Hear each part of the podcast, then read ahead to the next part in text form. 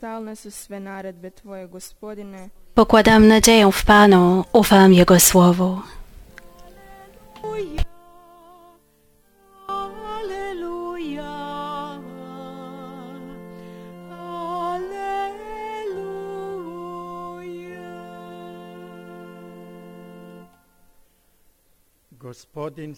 Pan z Wami.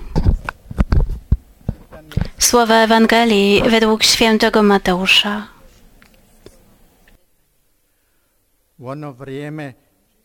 Gdy Jezus wszedł do łodzi, poszli za nim Jego uczniowie. Nagle zerwała się gwałtowna burza na jeziorze, także fale za zalewały łódź. On zaś spał. Wtedy przystąpili do niego i obudzili go, mówiąc: Panie, ratuj, giniemy. A on im rzekł: Czemu bojaźliwi jesteście małej wiary? Potem wstał, rozkazał wichrom i jezioru i nastała głęboka cisza.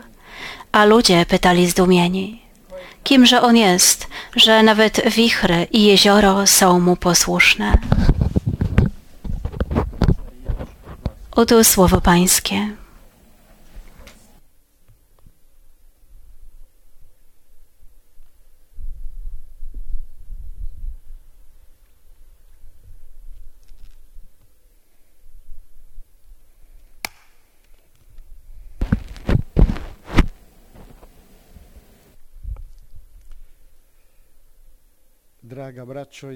Drodzy bracia i siostry w Chrystusie, to wydarzenie, które opisuje nam ewangelista Mateusz,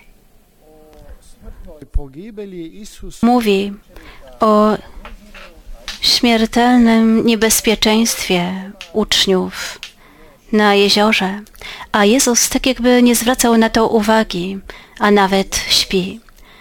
Możemy wyobrazić sobie niepokój, który panował na tej łodzi, gdy morze było, gdy jezioro było tak bardzo wzburzone, że fale zalewały łódź. Ale ten niepokój nie był wystarczający, by przebudzić Jezusa, który spał. I uczniowie w rozpaczy musieli obudzić nauczyciela. Panie, ratuj, giniemy.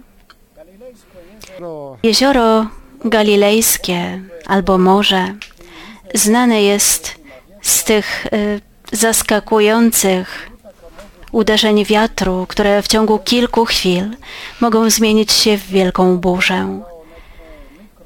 Tam jest y, mikroklimat, który częściowo jest nie do przewidzenia, ale doświadczeni rybacy mimo wszystko mogli przewidzieć jej nadejście.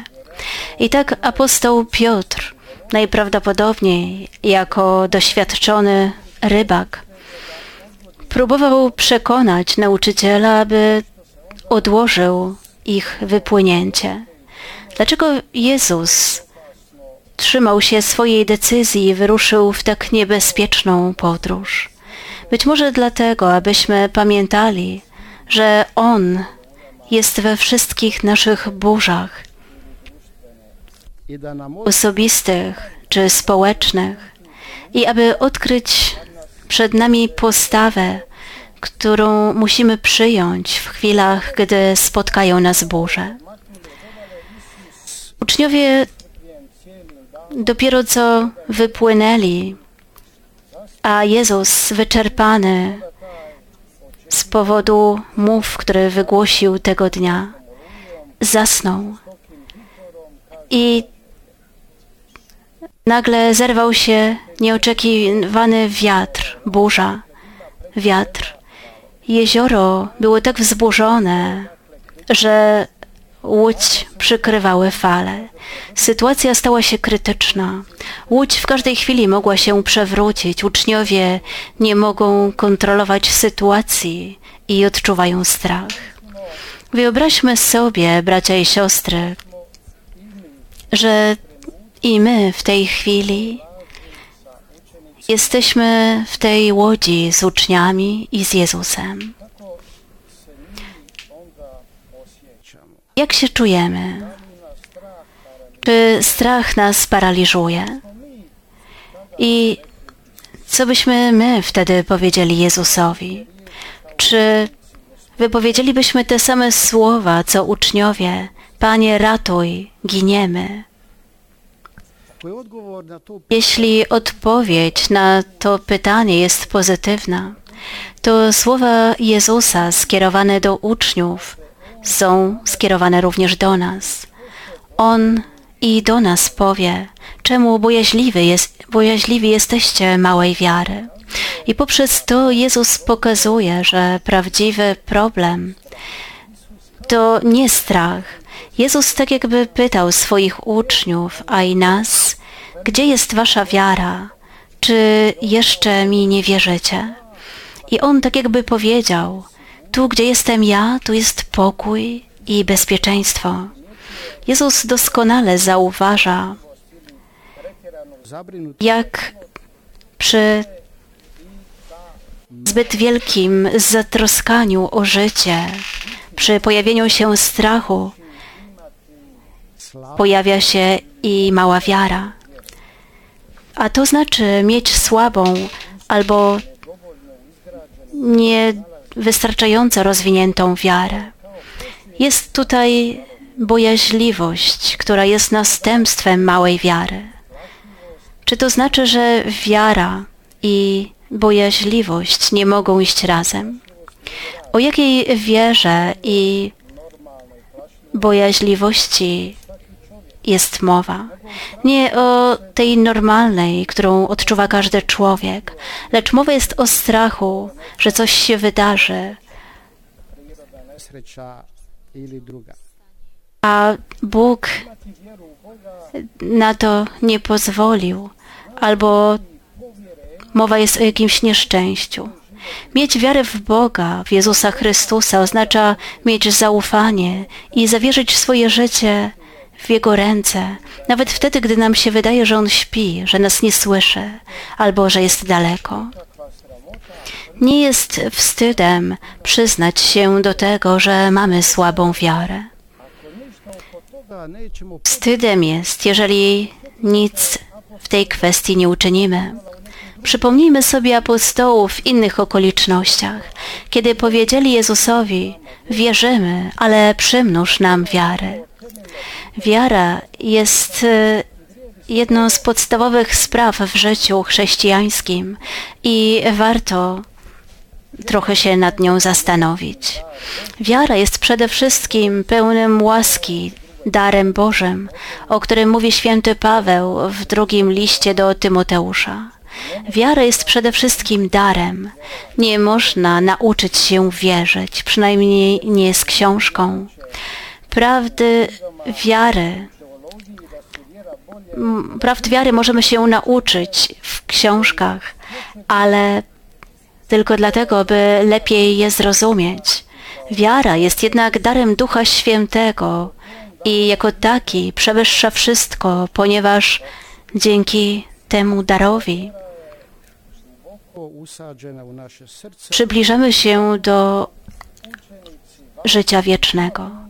Dlatego uczniowie z dna duszy wołali: Panie, przymnóż nam wiary. Oni byli przekonani, że bez wiary nie można spodobać się Bogu, tak jak później powie autor listu do Hebrajczyków. My również możemy powiedzieć, że i nasza wiara jest mała, słaba, krucha, ale zawierzamy Ci ją, Panie Jezu, taką, jaką jest, abyś ją przymnożył. I za każdym razem, gdy odmawiamy różaniec, pierwsze trzy zdrowaś Mario, odmawiamy, aby Jezus przymnożył nam wiarę.